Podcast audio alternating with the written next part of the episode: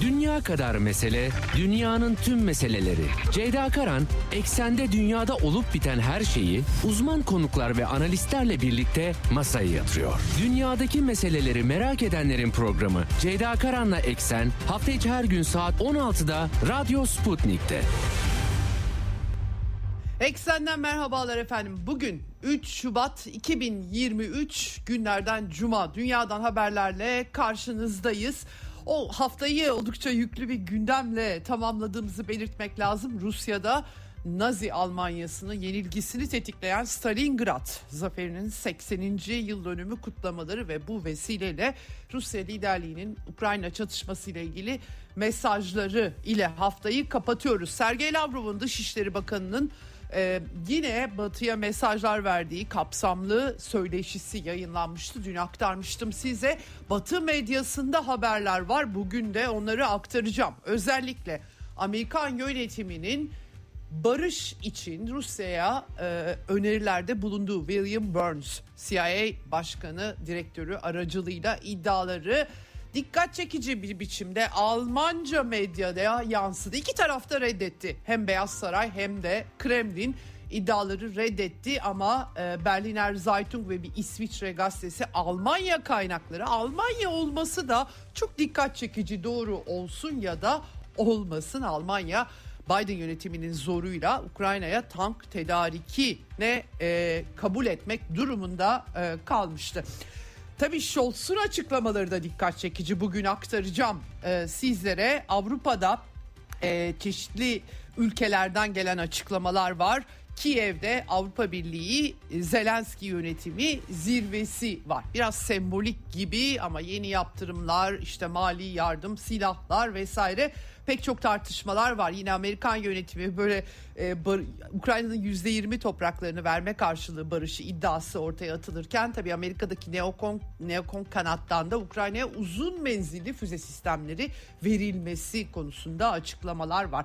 Hepsini aktarmaya çalışacağım sizlere. ilk defa Almanya'dan The Times gazetesine yansıyor. Anglo-Amerikan Almanya çatlağının tezahürü müdür bilmiyorum ama Berlin Alman makamlarının kuzey yakın iki hattına yani Almanya'nın stratejik altyapı yatırımına terör saldırısının batıdan kaynaklandığını fail herkes biliyor ama e, göz ardı etmediği yolunda bir haber olması da e, tabii e, dikkat çekici.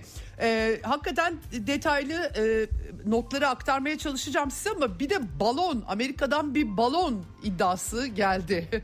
e, enteresan bir biçimde e, 5-6 Şubat tarihinde Amerikan Dışişleri Bakanı Çin'e gidecek ve Xi Jinping tarafından da kabul edilebileceği söylenirken Amerika semalarında Montana'da bir balon. Tabii bu e, iklimle ilgili bir şey mi tam anlayamadım. Kanada'da var. E, Pentagon'un açıklamaları var. Çin'in açıklamaları var. E, bunları da e, aktarmaya el verdiği üzere. Yine e, İsveç, e, Finlandiya'nın NATO üyeliği bakımından Ankara ile sıkıntılı başlık devam ediyor e, Finlandiya ve İsveç liderlerinden açıklamalar olduğunu belirteyim. E, Çavuşoğlu e, e Türkiye'de birdenbire bir terör gündemi 9 ülkeye elçiliklerini kapattı. Buna Ankara'nın sinirli olduğu anlaşılıyor. Amerikan yönetiminden de Türkiye'ye yönelik senatörlerin çıkışlarına yanıt geldi. Hepsini aktarmaya çalışacağım. Sıcak gündem bu sıcak gündemde bu hafta bir de Brezilya'yı konuştuk. Lula da Silva farkını konuştuk. Ee, özellikle Avrupa liderleri Latin Amerika'ya taşındılar. Hem Scholz hem Macron e, Lula ile görüşmeler vardı ve Ukrayna krizinde Lula şimdiden farkını konuşturmaya başladı. Ee, Rusya'ya karşı savaşta mühimmat sağlamayacaklarını çok net bir biçimde ifade etti.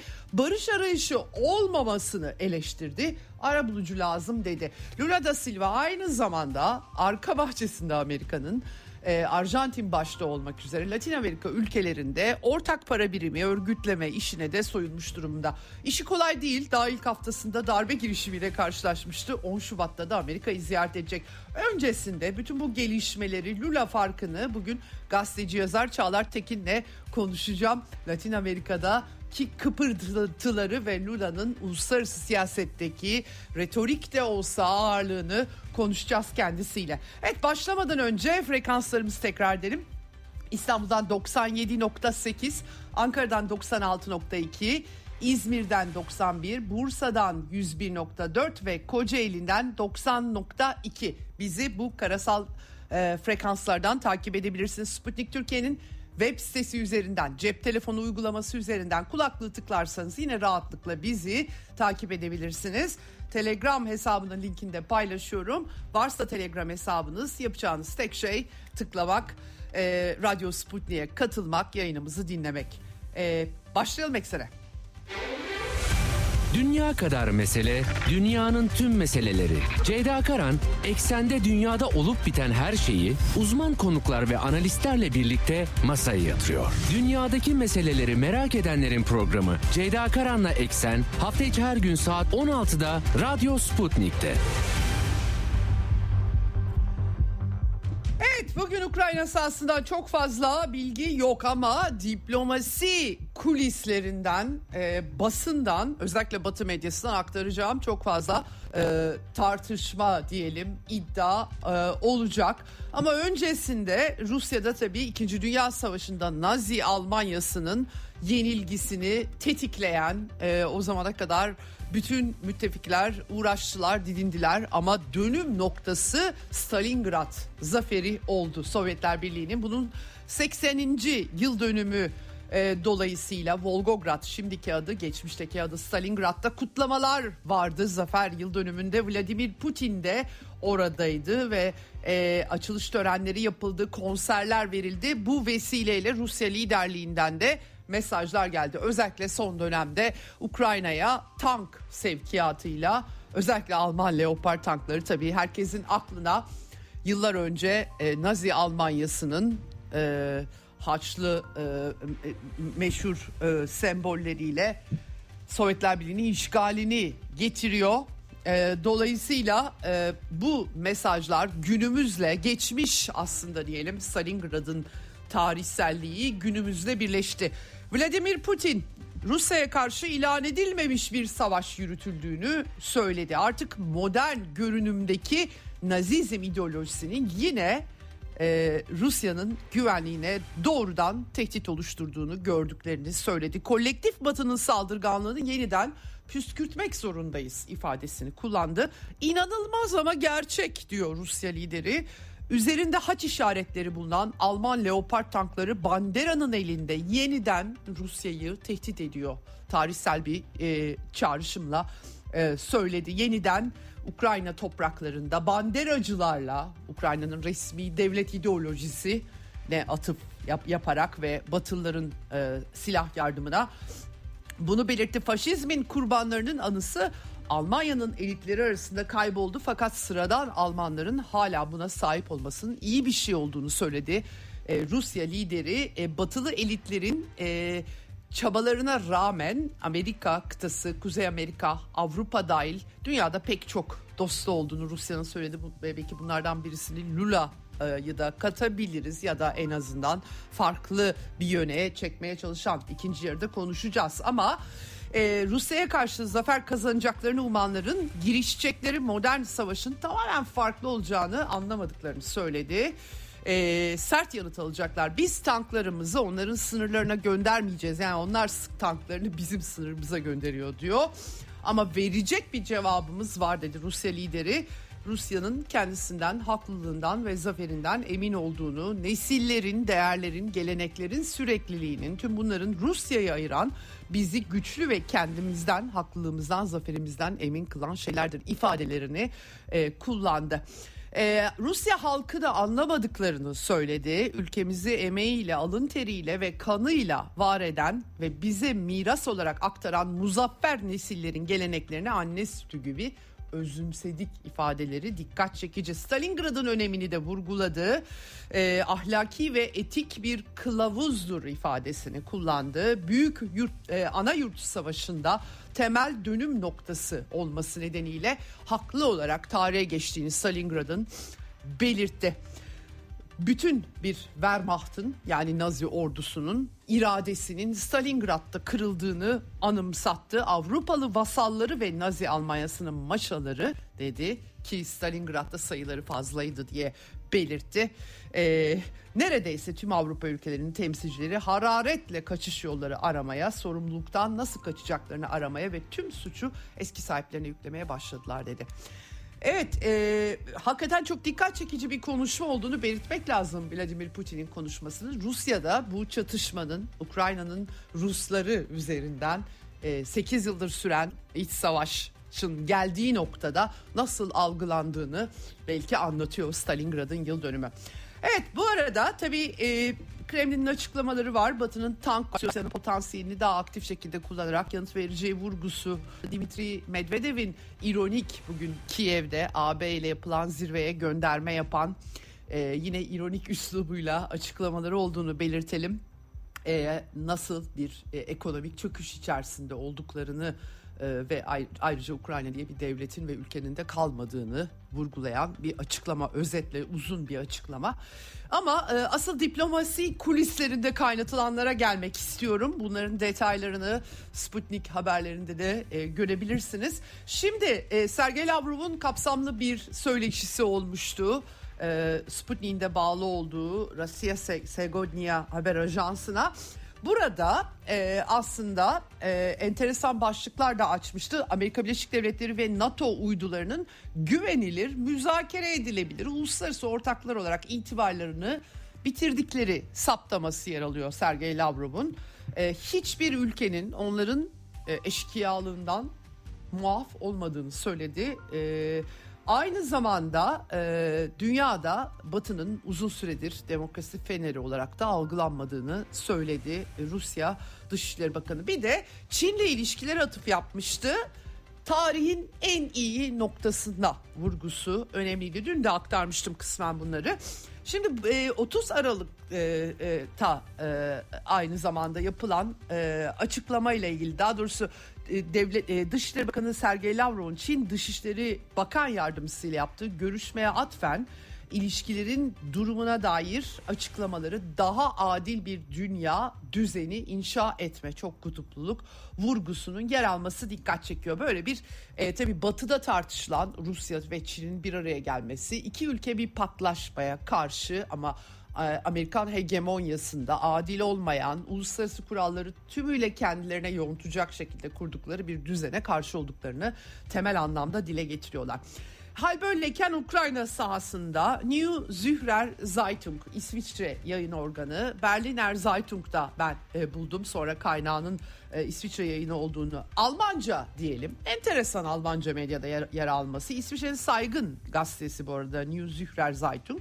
Burada e, iki Alman milletvekili e, dış politika ile alakalı onlara dayandırılması da ilginç doğrusu söylemek gerekirse iddiaları var. E, bu iddialar Amerika'nın barış karşılığında Ukrayna'nın yüzde yirmisini Rusya'ya bırakmayı önerdiği yolunda. Şu anki operasyon sahası olarak belki e, Ukrayna'nın Ruslarının yaşadığı diyelim Güney Güneydoğu hattı olarak algılayabiliriz e, bunu. Güvenlik ve istihbarat e, çevreleriyle bağlantılı RAND e, e, düşünce kuruluşunun bu çatışmanın uzamasının e, kendi e, lehlerine gibi başta gözüktüğü ama artık işlerin değiştiği raporunu aktarmıştım size. İddiaya göre gazetenin iddiasına göre Alman kaynaklara göre Ocak ortalarında Biden yönetimi CIA direktörü William Burns'ü hem Kiev'e yollamış hem de Narışkin'le Rusya istihbarat şefiyle görüşmesi söz konusu olmuş. Burada öneriyi iletmiş. Moskova'nın reddettiği yer alıyor. Bu arada Kiev'de reddetmiş. Bilemiyorum Kiev'in reddetmesinin bir anlamı var mı? Amerika ne dese onu yapmak durumunda. Zaten Amerikan yardımı olmasa Kiev'de bir yönetim bulunmayacak zira. Ee, bu öneri reddedildiği için Rusya tarafından Biden yönetiminin tank aşamasına, tank sunma aşamasına geçmeye karar verdiği e, aktarılıyor, iddia ediliyor. E, Avrupa kanadının da itiraz ettiği ve Almanya ile bu tank krizinin de bundan yaşa, yaşandığı öne sürülüyor. Tabii iki taraf da reddetti bunu. E, bugün e, özellikle e, Beyaz Saray Ulusal Güvenlik Sözcü Yardımcısı Sean David e, Newsweek'e yalanlamış. Beşte birini e, Rusya'ya bırakmayı reddettiklerini, doğru olmadığını söylemiş. E, tamamen yanlış diye bir ifade kullanmış. A, a, bunu Rusya'nın BM daimi temsilcisi Dimitri Polyanski'ye sormuşlar. O ilginç demiş ama ben böyle spekülasyonlar hakkında yorum yapmak istemiyorum demiş. Kremlin'in açıklaması ise yalanlama şeklinde gerçek dışı dedi Dimitri Peskov. Ayrıca burada Burns'ün e, Putin'le gizlice görüştüğü iddiası Almanca kaynak olduğu için ben onları İngilizceden buldum ve aldım. Ee, böyle açıklamalar var. Ee, bu arada CIA şefi William Burns e, Georgetown Üniversitesi'nde bir konuşması söz konusu. Dikkat çekici bu konuşmada aslında vurgular. Çok özetleyeceğim size.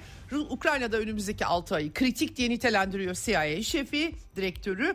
Ee, Rusya'nın batının siyasi yorgunluğuna oynadığı saptaması yapıyor e, ciddi olmadığına inandıklarını Moskova'nın müzakerelerle ilgili söylemiş. E, ama bununla da yetinmiyor. İran'ı da hedef alıyor bu arada. E, Tahran'ın giderek e, tedirgin olduğu iç istikrarsızlık ve protestolar. Amerika'nın hiç parmağı yok biliyorsunuz onlarda. Agresif davranışlar demiş. Ama asıl Çin'le ilgili dertlerini biraz ortaya koyuyor. Rusya ve Çin'in işbirliğinin e, geliştiğini söylüyor. Dostlukları sınırsız değil. E, Rusya ve Çin'in argümanı bu. Sınırı yok. Bunu Xi Jinping de devlet başkanı da söylemişti ama William Burns Rusya ve Çin liderliğinin söylediklerini tersini söylüyor. Sınırı var diyor. e, ama yine de e, Rusya ve Çin'in ilişkilerini hafife almanın hata olacağını söylemiş. Çin'in Tayvan hırslarını da öyle nitelendiriyor William Burns. Hafife almamak gerektiğini söylemiş.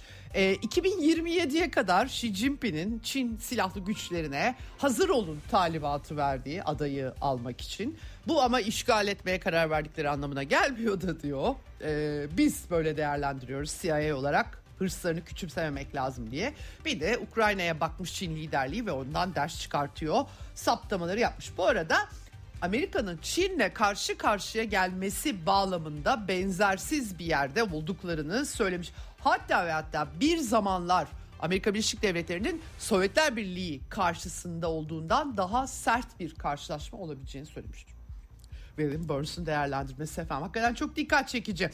Şimdi e, kulislerde böyle e, Amerika'nın bir takım öneriler getirdiği işte bundan sonra Çin'e karşı ne yapacağız filan. Yani Çin'e karşı hamle yapacak olsak Rusya'nın biraz belini kırmak lazım öncesinde. O da olamıyor filan. Bir kıvranış olduğu anlaşılıyor burada ama işte kulislere yansıyan zaten iki kanat var. Daha realist kanat var. Ukrayna'nın bu sahada başarılı olamayacağı. Bir de neokon kanat var. Onlar zaten biliyorsunuz yansın yıkılsın fark etmez. Ortadoğu'yu karıştıralım. Işıt mışıt oh ortalık birbirine girer ılımlı İslam. Olmadı ne yapalım? Radikal İslam çıktı fark etmez filan. Böyle düşünüyor adamlar zaten. Amerika'da çok biliyorsunuz e, kimse okyanusu aşıp Amerika'ya ulaşamıyor. Rahat bir konumdalar. Şimdi tabii artık öyle mi? Emin değilim bundan. Ee, Ukrayna'ya yeni silah paketi e, Batı medyasında ben aktarmıştım ya, yer almıştı 2.2 milyar dolarlık yeni paket. Beyaz Saray Sözcüsü henüz yeni bir şey yok demiş. 3 Şubat itibariyle açıklanması gerekiyordu bilmiyorum ama e, Bloomberg'de Amerika'nın uzun menzilli füzeleri yani Rusya'yı vurabilmesi için ama Rusya'yı vurmayacak. Yani Nereyi vuracak bilmiyoruz. E, 9 aya ihtiyaç var. Öyle hemen tak diye veremiyoruz biz bu. E, 150 kilometre diyorlar ama öyle mi ondan da emin değiliz. Yani Batılılar ne kadar doğru söylüyor diye düşünüyorsanız artık. Velhasıl öyle şak diye e, verebilecek durumda değillermiş. Victoria Nuland Ukrayna çatışmasının baş aktörü El Cezire'ye konuşmuş. Ee, Ukraynalılara her türlü uzun menzilliler dair e, her türlü ihtiyacı sağlamak için çalışıyoruz demiş açıkça. Bir de Vovan ve Lexus Rus şakacılar bu sefer John Bolton'ı tiye almışlar. Onu yani bilmedik çok bir şey göremedim ama hepsine de bakamadım. Görebildiğim kadarıyla e, Minsk anlaşmaları ki zaten onu BM onaylı uluslararası hukuku uygulamamak üzere yaptıkları ortaya çıkmıştı. Merkel ve Hollande itiraf etmişti daha fazla yardım vermeliydik vaktiyle falan diye konuşmuş. Zaten bunlar bildik şeyler. Efendim e, Bloomberg diyor ki Ukrayna'yı çok zorlu haftalar bekliyor. Sınırda 300 binlik bir Rusya güçleri var. Bu Bahmut Artemovsk bölgesinden Avrupalılar ve Amerikalılar çekileceğini düşünüyorlarmış artık daha fazla dayanamazlar diye. Orası iyi tahkim edilmiş bir yer aktarıyorum size. Zelenski dün komuta kademesiyle iki formatta daha geniş ve dar olarak toplantı gerçekleştirmiş. Bir yandan da bir Ukrayna'da bir yolsuzluk gündemi var Çok tuhaf. E, Ağustos ayındaki paralar bir yerlerden çıkan paraların görüntüleri Telegram hesaplarından filan dolaşıyor.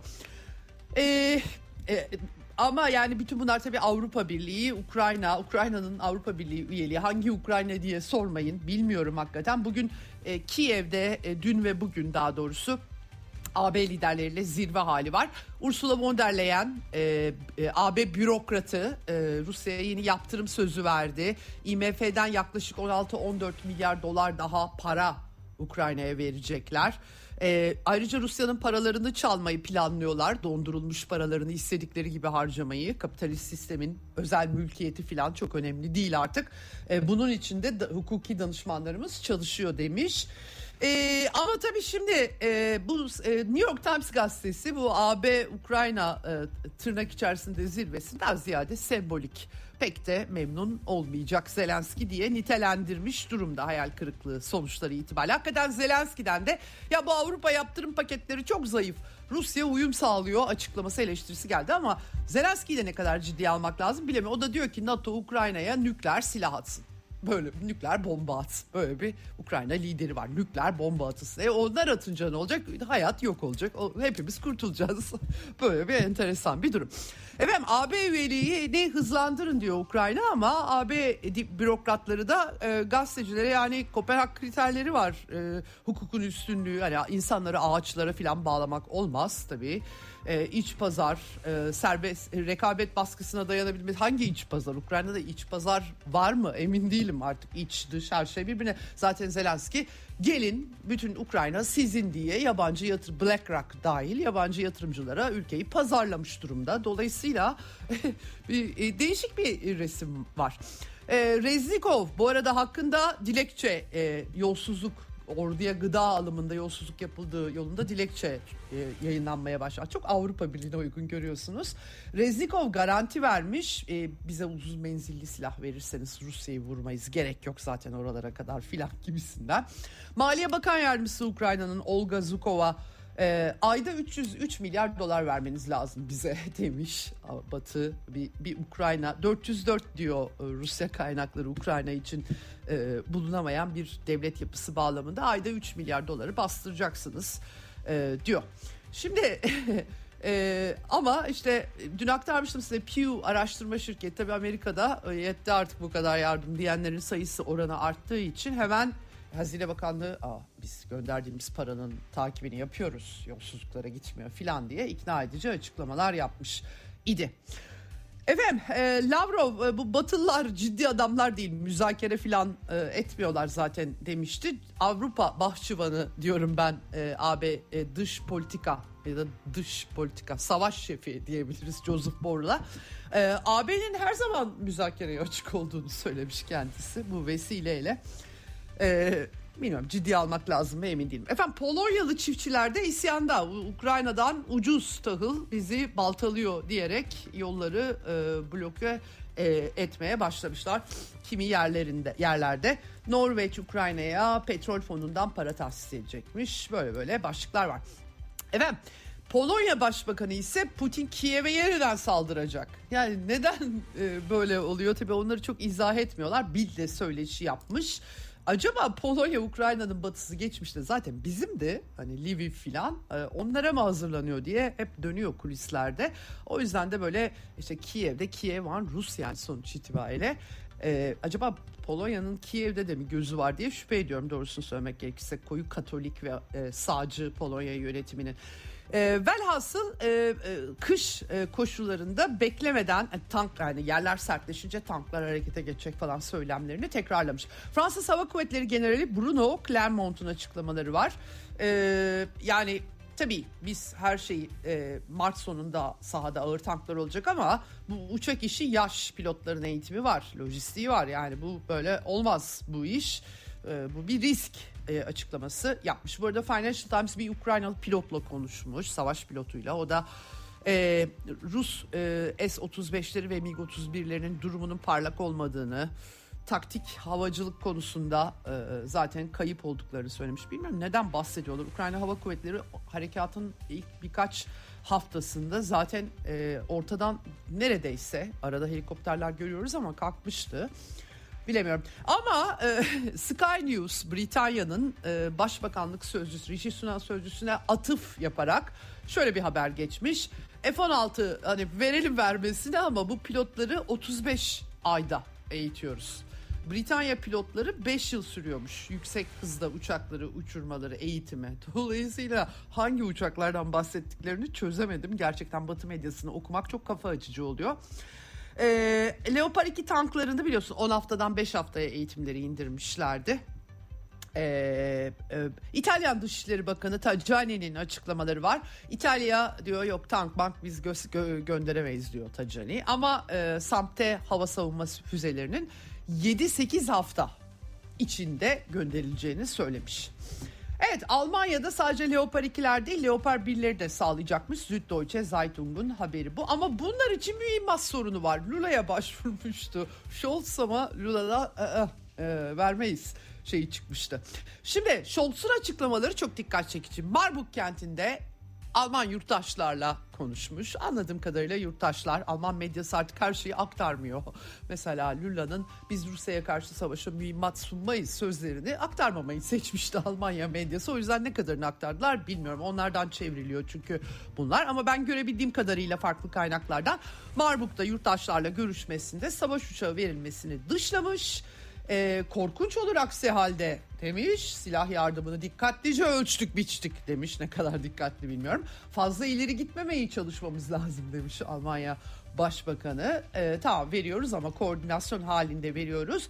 Rusya ile NATO arasında bir savaşa ulaşabilecek her türlü tırmandırmadan kaçınacağız demiş. Diplomasiyi destekliyorum demiş Ukrayna çatışmasında. Putin'le birkaç kez görüştüm. Daha da fazla görüşmeyi planlıyorum demiş. Ee, böyle bir çerçeve çizmiş Alman şansölyesi. Politico gazetesi enteresan bir başlık atıyor. Amerikan Politico sitesi.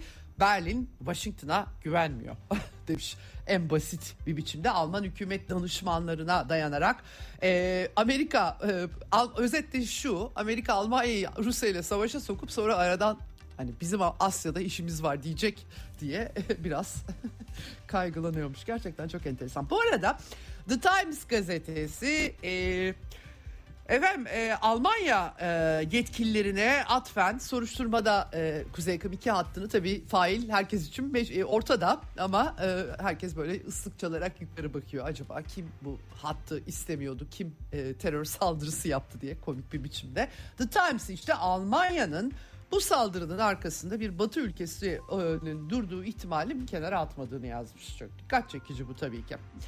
Evet bilemiyorum Almanya ne yapabilir bu bütün bu bir yıllık deneyimden sonra Scholz kendince epeyce bir direniyor gibi gözüküyor ama sınırları da gördük. Ee, e, bu e, başta söylediğim Amerika'nın e, Ukrayna'nın yüzde yirmisini Rusya'ya gönül rahatlığıyla bırakma haberinde de e, tabii böyle enteresan bir durum var. Tankları vermeye e, ondan sonra karar vermişler. İddia tabii ki yalanlandı ve de o altın tekrar çizeyim. Efendim İsviçre bugün Bern'de parlamento toplanıyor. Tarafsızlık politikasını gözden geçirecekmiş. Onların da bir takım tank stokları var ama kimse istememiş kendilerinden. Gerçi durumları biraz e, sorunlu. Çekya'nın başına NATO askeri komitesinde çalışmış. Eski Genelkurmay Başkanı seçilmişti aktarmıştım ben size. Petr Pavel. Demiş ki bütün silahları vermek lazım Ukrayna'ya. Nükleer hariç. Neden? Olasılıkla süpersonik e, uçakları da verelim demiş. Oldu bulursan e, yani olur tabii. Efendim e, Norveç yine 54 Leopard e, Leopard tankı Almanya'dan ısmarlayabilmiş ve Güney Kore istihbaratı da 5000 asker polislik için gideceklermiş zavallılar. Bir Rusça Ukraynaca öğrenseler iyi olur açıkçası. Bulgaristan ve Macaristan Cumhurbaşkanları bir araya gelmişler ve e, silah tedarikinin bu çatışmanın sonuçlanmasına faydası olmayacağını söylemiş Rumen, e, Rudev ve Katalin Novak Macaristan'ın lideri e, açıkça anlamlı cümleleri olduğunu belirtebilirim. E, aynı zamanda Macaristan Cumhurbaşkanı Ukrayna AB'ye girmek istiyorsa azınlıkların haklarını garanti etsin bakalım bir demiş. Hatırladı Avrupa'da birileri hatırladı azınlık hakları mesela Rus azınlığın hakları. Azınlık dediğimizde az buz değil tabii ki yani öyle Macar azınlık gibi de değil tabii ki Ukrayna'nın Rusları ama Avrupalılar bütün değerleri olduğu gibi bu azınlık meselelerini çöpe attılar. Türkiye'ye dayattıkları şeyleri falan düşünürseniz inanılmaz bir yerdeler. Efendim e, bu arada Amerikan Büyükelçisi Budapeşte de Rusya'ya yaptırımları uygulamamasını Macaristan'ı eleştirmiş ve Macaristan Dış Ticaret Bakanı sert çıkmış. Biz egemen bir ülkeyiz. Vali ya da naip kabul etmiyoruz. Kendi ülkemizde nasıl yaşayacağımıza biz karar veririz. Ee, o devir bitti demiş. Çok enteresan. Evet, e, Sırbistan tabii ağır baskı altında. Alexander Vučić parlamentoda e, Putin'e saygı duyuyorum ama ben Sırbistan'a muhalefet çünkü e, Avrupa ne yapıyorsa biz de onu yapalım diye sıkıştırmaya çalışan bir muhalefet belirdi Sırbistan'da ama Vučić yönetimi direniyor. E, itibar meselesi ayakta durmaya çalışacağız yaptırımsız diye havuç sopa taktiği kullanıyorlar onu e, belirtmek lazım. Evet şimdi e, bunun dışında evet e, geç evet geçmeden önce konuğumu alayım. Kalanını sonra Türk dış politikasının çıkışta size e, toparlayıp aktaracağım. E, Çağlar Tekin e, telefon hattımızın diğer ucunda. E, hoş geldin e, Çağlar yayınımıza. Merhabalar, merhabalar Ceyda. Çok teşekkür ediyorum katıldığın için. Bu hafta e, BRICS'i ve Lula'yı es geçmek istemedim. Konuşmuştuk aslında daha önce e, darbe girişimi daha birinci haftasında e, Lula da Silva'ya e, Amerika ile de bağlantılı tabii Biden yönetimiyle doğrudan bağlantılı diyemeyiz ama zaten Lula'nın ilk devrilişinde onlar yeterince rol oynamışlardı. E, Lula böyle bir darbe girişimi savuşturarak başladı ve sonra da hızlı başladı. Bir yandan Latin Amerika'ya el atıyor. Geçen hafta e, birazdan onu da soracağım e, Rusya karşısında Avrupalıların ziyaretinde epey bir e, enteresan çıkışlar yaptı ama önce Latin Amerika'dan başlayalım. E, BRICS e, yaratılırken Lula önemli bir rol oynamıştı. E, daha sonra hep böyle güney, e, küresel güney deniliyor buna. E, Brezilya, e, Rusya, e, Hindistan, Çin, Güney Afrika e, bunun genişlemesinden de bahsediliyor. Şimdi Lula'nın gelişiyle dönüşüyle diyelim e, BRICS faktörü e, yeniden tartışılacak mı, konuşulacak mı? Bu sefer biraz daha e, fırsat var mı? Arjantin başta olmak üzere Latin Amerika'da da bir takım hamleleri var ama e, bunları birleştirdiğimizde Lulalı BRICS diyelim. E, bir fark yaratacak mı? Ne dersin? Gelen haberleri nasıl e, yorumluyorsun? Ya şöyle bir fark yaratacak. Aslında şu andan yaratmış durumda kısmi bir fark e, ve ileriye ilişkinde bu ciddi bir e, sinyaller bütünü sunuyor. E, Şimdi Lula Arjantin lideriyle görüştü ve Arjantin'le iki ülkenin ortak bir para birimi geliştirmesi için e, uzlaştıkları açıklandı. Tabii bunun bir tarihi vesaire yok şu an için. O Evet. biraz daha uzayacak belli ki. E, Evet. Ama bunlar önemli adımlar. Yani çünkü Brezilya e, hem BRICS için hem de Latin Amerika'daki diğer iktidarların özellikle ABD'den mesafeli bir pozisyon almaya çalışan iktidarlar için önemli bir ülkeydi. Çünkü Zira kıtanın da önemli ülkesi bu anlamıyla en büyük Evet. Böyle bir öncülük rolü vardı Lula'nın ve Lula tekrar döner dönmez bu rolü e, tekrar benimsedi ve tekrar bu rol çerçevesinde ilerlemeye başladı. Yani bir yandan bu e, ticaret grubu var. Mercosur'un yeniden bir araya gelip güçlenmesi Evet. için adımlar attı. Bunun ziyaretleri vesaire e, gerçekleşiyor. E, bir yandan e, Çin'le bir takım anlaşmalar imzaladı ki e, önümüzdeki Mart ayında bir de Xi Jinping'le buluşacaklar. O da be- belli olmuş oldu. Bir yandan işte Ukrayna-Rusya krizine ilişkin, savaşına ilişkin burada bir arabuluculuk rolü üstlenmek için tekrar öne çıkan adımlar atmaya başladı ki mesela bunların en önemli başlıklarından bir tanesi sen de biraz önce altını çizdin. Hem Macron'un hem de e, Ukrayna'ya askeri destek tekliflerini net bir biçimde reddetti. Evet. Yani bizim Evet.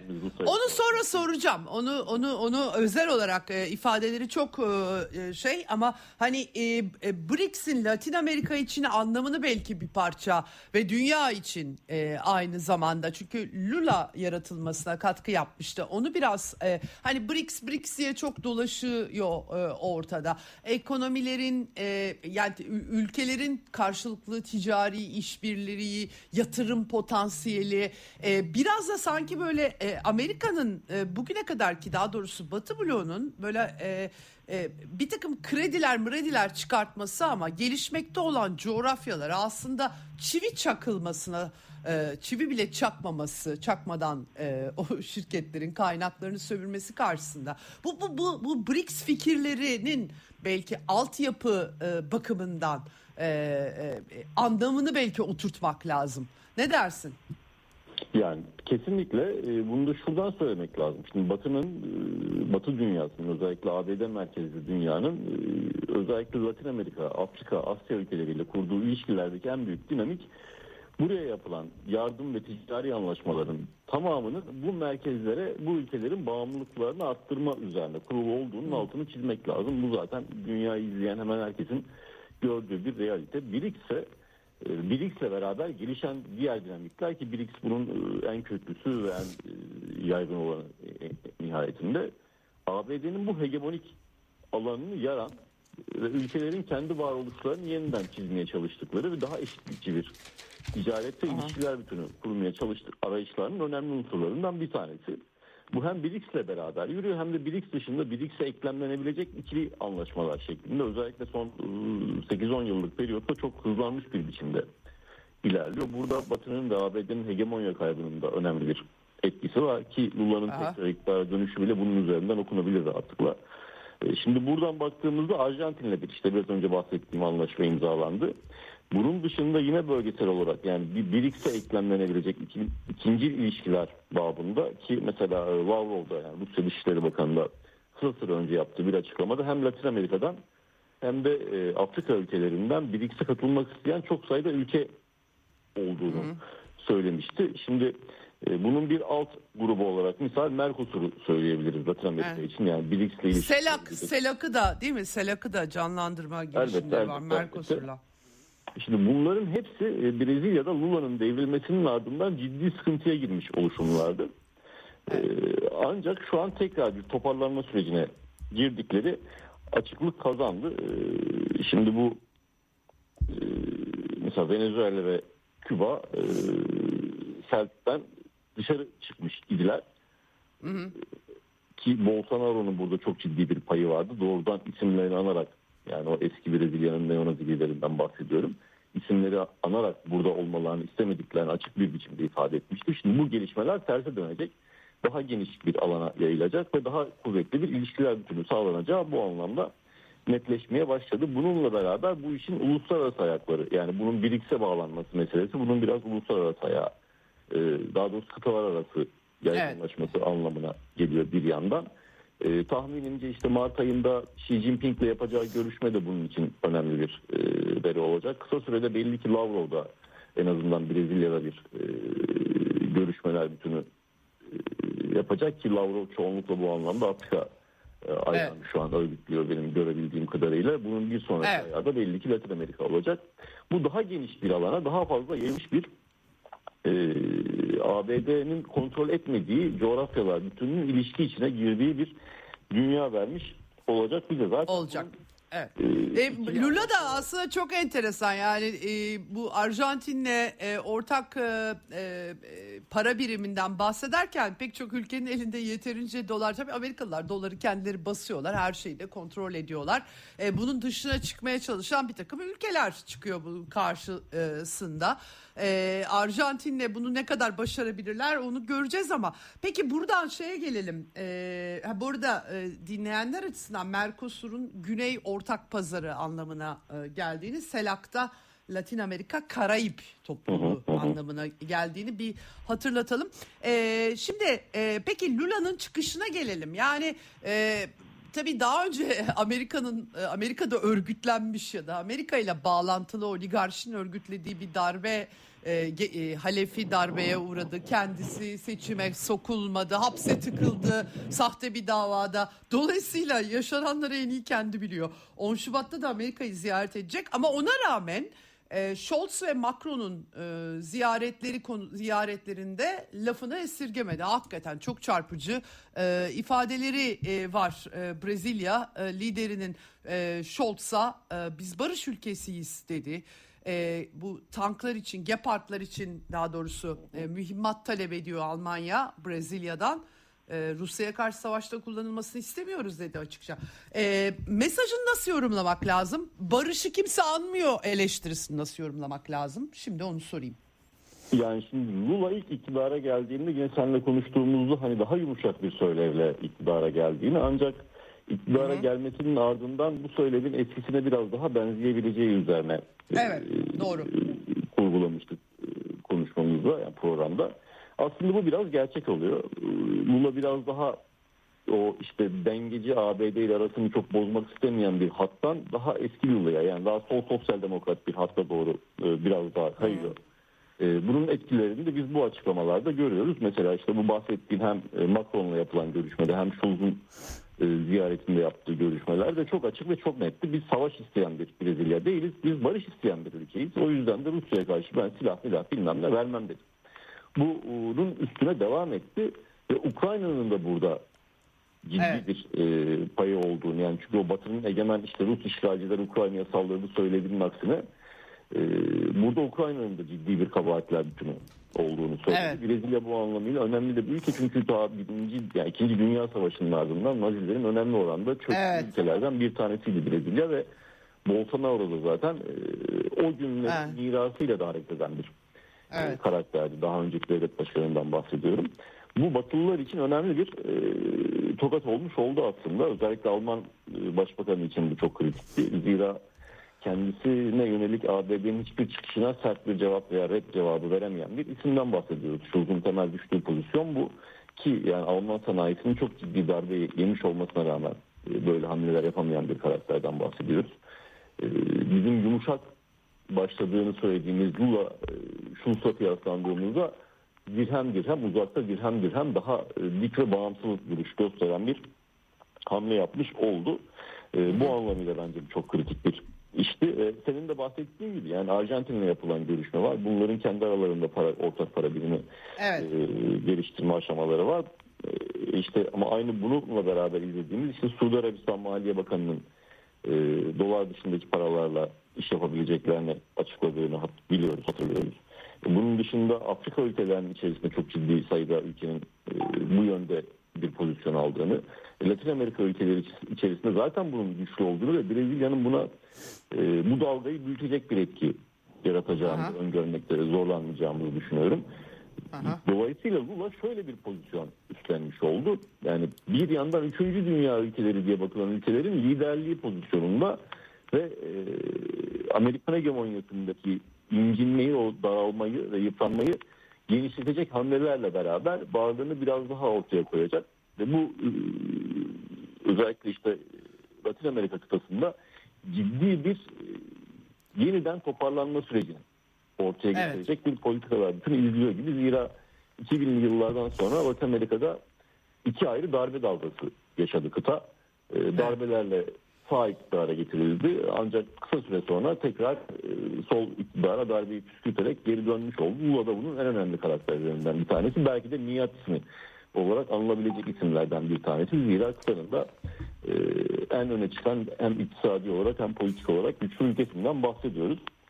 E, buradan baktığımızda da e, şimdi bir ABD ziyareti gerçekleştirecek Biden'la görüşecek. E, Biden'a belli ki bu Ukrayna-Rusya savaşı için bir takım tekliflerde bulunacak. Kendisi de bunu açıkça söyledi. Aynı zamanda Aha. Xi Jinping'e de benzer bir teklif götüreceğini söyledi. Bu Brezilya'nın uluslararası arenaya ve yeniden dönüş anlamına geliyor bir yandan. Bir evet. e, ara bulucu rolü üstelik güven kazanmış bir ara bulucu rolü. Güven kazanma neden önemli bu anlamda? Yani çünkü daha öncesinde biz Rusya-Ukrayna savaşını misal Almanya'nın Merkel'in araya girerek e, çatışmasızlık sürecini yönetmeye çalıştığını gördük ama işte daha bir ay önce Merkel'in kendi itirafları var. Biz sadece Ukrayna'da Nazilere zaman kazandırmak istedik. Evet. Rusya'yı bunun için oyalamaya çalıştık. Şimdi Tabii Naziler demedi de zaman kazandırdı anlaşıldı. Sonuçta e, yani evet. Kiev'de Nazilerin olduğunu artık Avrupalılar da çok inkar edebilecek pozisyonda değiller. Bu evet. uluslararası arenada bir tarafsızlık ve bağımsızlık sorunu yaratıyordu. Yani ara bulucu ülke bulmak giderek zorlaşan bir pozisyondu. Lula daha önceki dönemimizde böyle bir yere sahipti dünyada. Ee, Brezilya'yı böyle bir pozisyona yükseltmişti. Evet. Ee, şimdiki hamleleri de belli ki böyle bir pozisyona doğru Brezilya'nın tekrar ilerlemesine Evet. olarak sağlayacak. Bu aynı zamanda e, sadece bağımsız olarak değil daha soldan bir bakışla bunu yapan bir isim olarak bence Brezilya'nın güvenilirliğini e, bir yandan arttırdığı gibi özellikle Latin Amerika'da daha orta yerde bir yerde duran dengelerin kontrolünü eline geçirmeye çalışan bir sol atmosferin egemenliği içinde kanaatimce kritik bir adım olacak. Zira Olacak. Küba. Venezuela gibi ülkeler rahatlıkla dışlanırken Brezilya gibi bir ülkeyi dışlamak öyle kolay e, yapılabilecek bir değil. Olmayacak. Peki. Çok teşekkür ediyorum değerlendirme için. Lüle'yi takip etmeye de devam edeceğiz aynı zamanda. Yeni değerlendirmelerin çok teşekkür. Sağ olun. İyi yayınlar diliyorum. Teşekkürler. Evet hakikaten e, Lula'nın biz savaş değil, savaş istemiyoruz niye arabulucu çıkmıyor demesi çok önemliydi. Macron'a da aynı zamanda paraları yoksulluk için harcamak lazım. Savaşı harcamak e, değil demesi de çok dikkat çekiciydi. Bakalım Amerika ziyareti e, nasıl olacak? Efendim e, kalan e, başlıkları da aktarmam lazım size. Şimdi tabii ekonomide e, Avrupa Merkez Bankası e, faiz arttırımı yine e, dün aktarmıştım size. Sonrasında Christian Lagarde Merkez Bankası Başkanı açıklama yaptı. İstikrarlı bir biçimde faizleri arttırma politikasına devam edeceklerini söyledi. %2'lik enflasyon hedefinden epey uzaklar. %8,5 civarlarında gidiyor. Tabii ülkeden ülkeye değişse de işimiz henüz bitmedi diyor. Rusya'nın uluslararası rezervleri hafta boyunca 3.1 milyar dolar artmış epey bir artış tabii sadece Rusya'nın başarısı değil altın fiyatlarındaki artış Yuan'ın dolar karşısında güçlenmesi gibi etkileri var. Bu arada Rusya'nın Hindistan Büyükelçisi'nin çok dikkat çekici açıklamaları var. Pavan Kapur e, stratejik ortaklık Hindistan ve Rusya arasında bu, bu, bu başlığı taşıyan konferansta e, iki ülke arasındaki işbirliğinin daha da derinleştirilmesi hedefi konuluyor. Hatta enerji taşımak için ortak gemi Gerçi Rusya'nın gemi filosu var ama Hindistan'da çok önemli rol oynadı. Kapsamlı bir e, takım mesajlar olduğunu belirtmek lazım. Tavan fiyata itiraz ediyor Hindistan. E, şimdi e, Asya'dan asıl tabii Pentagon e, açıklaması. Çin bir istihbarat balonu uçuruyormuş Amerika ve Kanada üzerinde. Montana civarlarında önceki gün geçmiş. Pentagon açıklama yaptı. E, Amerikan ordusu takip ediyor dedi. Patrick Ryder Pentagon sözcüsü. Ee, çok yüksek irtifa hiç kimseye de bir tehdit teşkil etmiyor. Sivil trafiği falan falan hiçbir şey hiçbir sıkıntı da yok. Ee, bir yandan da küçümsüyorlar yani biz biz daha iyi istihbarat topluyoruz böyle Çinliler bununla istihbarat topluyorlar gibi. Anlayamadım doğrusunu söylemek gerekirse ne balonu. E, çünkü yani genellikle e, bu bu balonlar işte rüzgar akımları efendim gözetleme ekipmanlarını da monte edebiliyorlar tabii casusluk da olabilir hakikaten. Ee, ama e, hani e, bu konuda hemen alarma geçmiş Amerikalılar. Çinliler tabii tepki gösterdiler. Çin dışişleri sakin kafayla bu konuyu ele alalım dediler. Bir yandan da yani doğrulama ve yalanlama da yapmıyor Çinliler hakikaten. E, o da dikkat çekici. E, uluslararası hukuka uygun hareket ediyoruz. Biz sorumlu ülkeyiz. İhlal, egemenlik ihlali, hava sahası ihlali gibi bir niyetimiz yok demiş Çinli e, sözcüsü. Sakin kafayla konuşalım. Tabii e, önümüzdeki hafta konuşacağız bunları. Amerikan Dışişleri Bakanı Anthony Blinken'ın e, Çin ziyareti öncesi gerçekleşiyor bunlar. Hatta ve hatta Xi Jinping'le Pekin'de görüşeceği söyleniyor.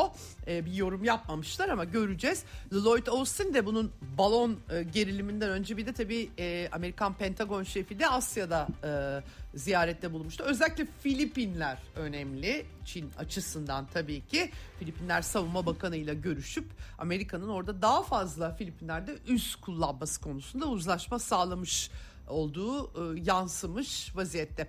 E, bir başka Amerika merkezli haber İran, İsrail ile Sudan arasında barış anlaşması imzalanacakmış. Birkaç aydan bahsediliyor ama İsrail Dışişleri Bakanı e, Eli Cohen Sudan'a Hartum'a gitmiş ve geçiş konseyinin e, lideriyle görüşmüş. Aynı zamanda Amerikan yönetiminin hem Sudan'a hem de Libya'ya Rusya'nın Wagner şirketiyle bağları e, atması için baskı yaptığı Associated Press'in Amerikan Associated Press'in haberinde e, yer alıyor. Evet, e, Joe Biden Amerikan yönetiminde kadınlarla ilgili değerlendirme yapmış. Aile tıbbi izin yasası e, yıl dönümünde konuşurken yalnız şöyle bir cümle kurmuş. Kabinemdeki kadınların yarısından fazlası, kabinemdekilerin e, yarısından fazlası, yönetimimdeki kadınların yarısından fazlası kadın. Kadınların yarısından fazlası kadın. Enteresan. e, bir Amerikan başkanı klasiği haline gelmiş durumda. E, İhvancı vekil, Müslüman vekil İlhan Ömer temsilciler meclisinde Dış İlişkiler Komitesi'nden çıkartmışlar efendim kadını. İsrail ile ilgili eleştirileri nedeniyle. Ee, ve e, Türk dış politikasında İsveç-Norveç bir değişiklik yok. Cumhurbaşkanının ortaya koyduğu şartlar devam ediyor. Buna bir de Kur'an yakma krizi eklenmişti. İsveç ve Finlandiya e, liderleri, başbakanları bir araya gelmişler ortak basın toplantısıyla. Bir yandan İslam alemine ya bunları provokatörler yapıyor. Hani biz saygılıyız demeye çalışıyorlar. Müslüman toplumda da buluşmuşlar. E, Finlandiya'nın kadın e, dans partileriyle meşhur kadın lideri Sanna Marin'de sadece Kur'an'ı değil halka açık yerde sandalye bile yakamazsınız diyerek bir başka gaf yapmış kıyas bakımından. Enteresan. E, Finlandiya'da anket yapmışlar. İsveç olmadan biz NATO'ya girelim mi diye. Girelim diyor halk. Yüzde 53. Olur tabii diyor. Yönetim pek böyle düşünmüyor.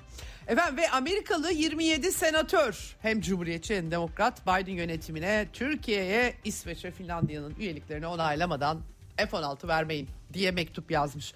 Hemen Amerikan Dışişleri geri yanıt vermiş. Olmaz öyle şey. Türkiye çok önemli bir müttefikimiz. Çok e, samimi güvenlik kaygıları var. E, Biden e, destekliyor. Meşru güvenlik kaygılarını da destekliyor demiş durumda.